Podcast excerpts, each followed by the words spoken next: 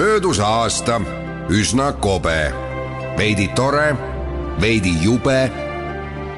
vana laeb, uus tuleb peagi, mis tast saab.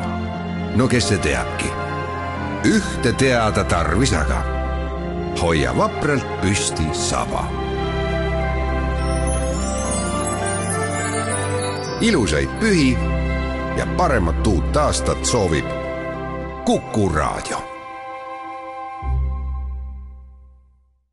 Kuku Raadios välja öeldud seisukohad ei pea ühtima Kuku Raadio seisukohtadega. Te kuulate Kuku Raadiot. tere jälle, täna on kolmapäev, kahekümne esimene detsember ja eetris Tagasivaade. minu nimi on Tõnis Eriloid. täna on toomapäev ehk siis jõuluootuse kõige tähtsam päev. Öeldi, nüüd on jõulud juba naaberkülas või maanteel künka taga pererahvas sättis end vorste täitma ja läks suureks puhastamiseks ja küürimiseks kogu majas. mõned read laste lorilaulu ka siia vahele. tule, tule, Toomake, jõua, jõua, jõuluke. jõulud aga jooksevad lauda mööda, vana sea selga mööda, kirju kitse külge mööda. nojah, mitmel pool oli nii, et toomapäevast alates kuni jõulupühade lõpuni ei tohtinud enam mingit tööd teha eriti kedrata ja käsikiviga jahvatada. mõlemal juhul tuleb ju vänta liigutada päripäeva. no ja mõnel pool ei lubatud ka puid lõhkuda ja halge tuppa tuua, aga no selle kohta ei oska ma küll öelda, et miks see nii oli. Põhja-Eestis pani peremees juba poolest ööst toomapäeval õlle minema. rahvapärimus rõhutab just Põhja-Eestit, no see ei tähenda, et lõuna pool osteti õlut ainult poest. ilmselt oli põhjus ikka selles, et mõnel pool tehti see õlu varem valmis.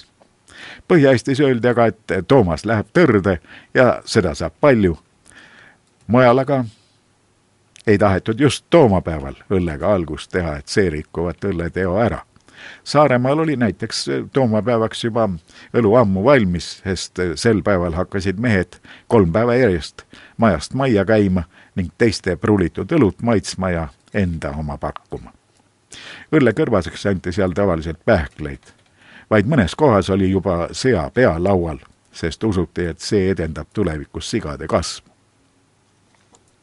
Too, Toomas kandis mitut nime, Must Toomas, Tahma Toomas, Nõgi Toomas, enamasti ikka sellepärast, et perenaised pidid agaralt maja koristamisega tegelema.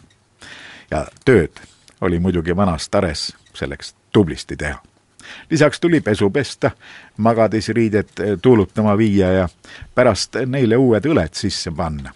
pesu pesemine oli muide toomapäeval väga tähtis, sest pärimuse järgi sai just siis pesu eriti valgeks.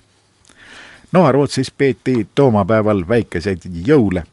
ilmselt oli see rootslaste eeskujul meile jõudnud ja Soomes on ka muide pikku jõulut meil kui kainematel eestlastel on jah, väikeste jõulude nimeks tänapäeval asutuste jõulupeod. Ja need ei pruugi üldse toomapäeval olla. aga Noarootsis oli see toomapäev nii suur püha, et nagu rahvasuu ütles, sel ööl jäid veskidki iseenesest seisma ja inimesed ühtegi tööd ei saanud teha. Veski seismine oli muide tähtis, sest müraga ei tohtinud esivanemate hinge ehmatada, kui need koju käima tulevad toomapäeval oli ka hulk kombeid, mis ehk tänapäeval kohatud tunduvad. majast välja pühitud tolm ja praht koos nõe ja muu mustusega pandi õlenuku sisse, sellele nukule aeti vanad rõivad selga ja poetati siis naabrite juurde, muidugi siis, kui nendega vaenus oldi. enamasti aga kandis kogu küla ühiselt need nukud metsa, mõnel pool olevat neile seal veel kere pealegi antud. et siis ebaõnn ja muud pahad asjad hoitakse külast eemal aga peamine oli ikkagi jõuluvorstide tegemine. sellega läks ka terve päev ära. kergesti võis vorsti tegemine muidugi uss, vussi minna, seepärast uuriti eelmisel õhtul taevast, et kui see vähegi punetas, siis oli häid vorste oodata. jõulukombe asjus on muidugi mõndagi läbi sajandite muutunud. nii nagu söögis, nii muudes kommeteski näiteks jõulukuusk enamasti külades elanud eestlased ei tundnud. selleks võeti eeskuju mõisast. jõuluvanast ei teatud midagi ega piparkookidest ning päkapikkudest samuti. ka kingitusi hakati meil jagama suhteliselt hiljuti. ja kuigi oli komme, et jõulude ajal peab ilmtingimata sööma seitse, üheksa, koguni kaksteist korda päevas, siis praegune vahest tuntuim jõuluroog ehk verivorstid jõudsid kõikjal üle Eesti kuulsaks saada alles üheksateistkümnendal sajandil. nojah, minnes tagasi selle toidukordade juurde, see kaksteist korda päevas ei tähendanud muidugi seda, et pidi end kogu aeg kurguni täis õgima, piisas, kui väikegi amps võeti. enne verivorste tehti meil aga valgeid vorste tekisest sealihast ja tangudest tehtud puder topiti soolikasse, ots pandi tikkudega kinni ja keedeti neid tasasel tulel. tuli väga ettevaatlik olla, et soolikad lõhki ei lööks. kuna jõulud olid ikka pühade püha ja tavalistel päevadel lihatoite suurt laual ei olnud, siis unistasid neist jõuluvorstidest nii noored kui vanad. olulisem peatoidus oli tavalisel päeval leib, kartulid jõudsid meile alles üheksateistkümnenda sajandi teisel poolel ja rannarahval ka silk. aga ka jõulude ajal pidi leib kogu aeg, toomapäevast alates, laual võtta olema, nagu ka õllesõõm ja lihatükk. leib tuli teha jõulude ajal eriline, enamasti nägi see välja nagu orikas, mis oli kaunistatud viljapeadega ja muide, puhtast jahust.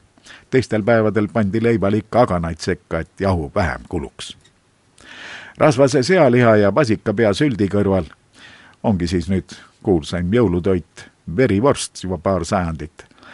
Lõuna-Eestisse jõudis see lätlaste kaudu, Põhja-Eestisse levitasid selle kombe jälle rannarootslased. verivorst, no see on midagi sellist, millel üleüldist retsepti tegelikult ei olegi, noh, peamiselt on küll sea või peiseveri, seapekk ja tangud, kuid maitsestamiseks või ka muudeks lisanditeks on lugematu hulk retsepte. no Prantsusmaal näiteks pannakse brändit ja rosinat hulka, aga noh, meie talupojal neid muidugi käepärast ei olnud. vorsti tegemine oli nii suur kunst omal ajal, et toomapäeval tuli varavalgest tõusta, et õhtuks valmis saada.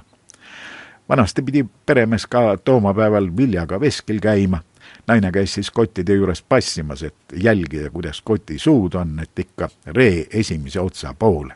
et kui teisiti laduda, siis tuleb kuri kallale. kui tare oli korda sätitud, siis toodi õled tuppa. Need pidid õnnistust ja tervist tooma, aga lastel oli hea nendel mängida. mõnel pool maja magatigi jõuluajal tuppa toodud õlgedel tavapärane magamisase jäi siis vaimude tarbis, sest esivanemate hinged võisid toomapäeval koju käima tulla. üleüldse, mis inimene jõuluajal toomapäevast alates tegi, sellel oli suur mõju tema käekäigule järgmisel aastal.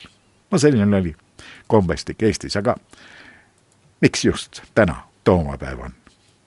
väidetavalt sai see päev nime esimesel sajandil elanud apostli järgi kes oli tuntud oma uskumatuse poolest, nii et sealt on tulnud uskumatu Toomas. ta oli missionäriks pärast Indias, kus hukati, tema säilmed toodi ära, praegu puhkab ta Itaalias Abruzzos. Toomas on muide ka arhitektide ja pimedate patroon, nii et tema järgi on see päeva nimi tulnud. ja lõpetuseks üks jõulusoovitus. Eisen on oma kirjelduses Eesti vanast usust soovitanud, et jõuluõhtul kirikusse minnes tuleb kogu raha, mis sul kodus on, tasku pista. et siis saab järgmisel aastal kaupa hästi odavalt kätte. Kuulmiseni!